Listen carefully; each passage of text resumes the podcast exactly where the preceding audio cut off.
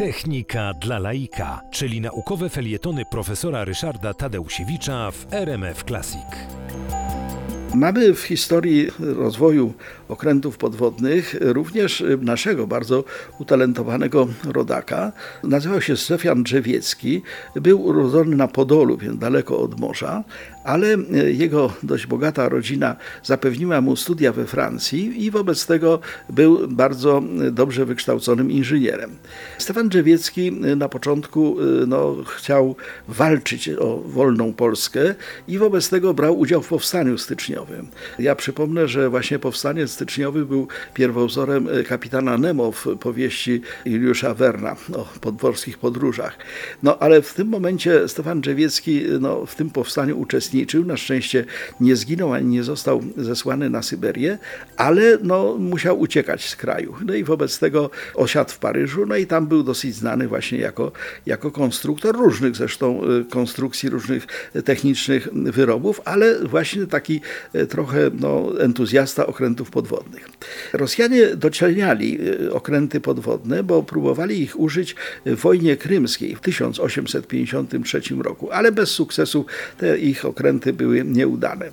Wobec tego y, Drzewiecki został zaproszony, zaproszony do Rosji, żeby właśnie no, zbudować dla rosyjskiej marynarki okręt podwodny. On miał być wykorzystany w wojnie rosyjsko-tureckiej. Był to okręt nieduży na pedały, ale w 1877 roku w pełni udał się eksperyment, mianowicie w Odessie, porcie czarnomorskim. Drzewiecki przepłynął pod innymi okrętami, czyli po prostu pokazał, że ten jego okręt po pierwsze, że, że tam może się bezpiecznie zanurzać, ale dodatkowo może manewrować niewidoczny pod innymi okrętami. Entuzjastycznie do tego podeszli Rosjanie i zaczęli całą serię takich okrętów budować. Przypominam, to były takie niewielkie okręty, na, aż śmiech powiedzieć, na pedały, no ale jednak mogły być niebezpieczne, bo niewidoczne mogły atakować. Tych okrętów zbudowano w sumie 50 i co może ciekawe, w takiej miejscowości Gatczyno w Rosji, to jest miejsce urodzin innego wielkiego Polaka, Michała Doliwo-Dobrowolskiego, stoi pomnik nie Drzewieckiego, tylko tego jego okrętu.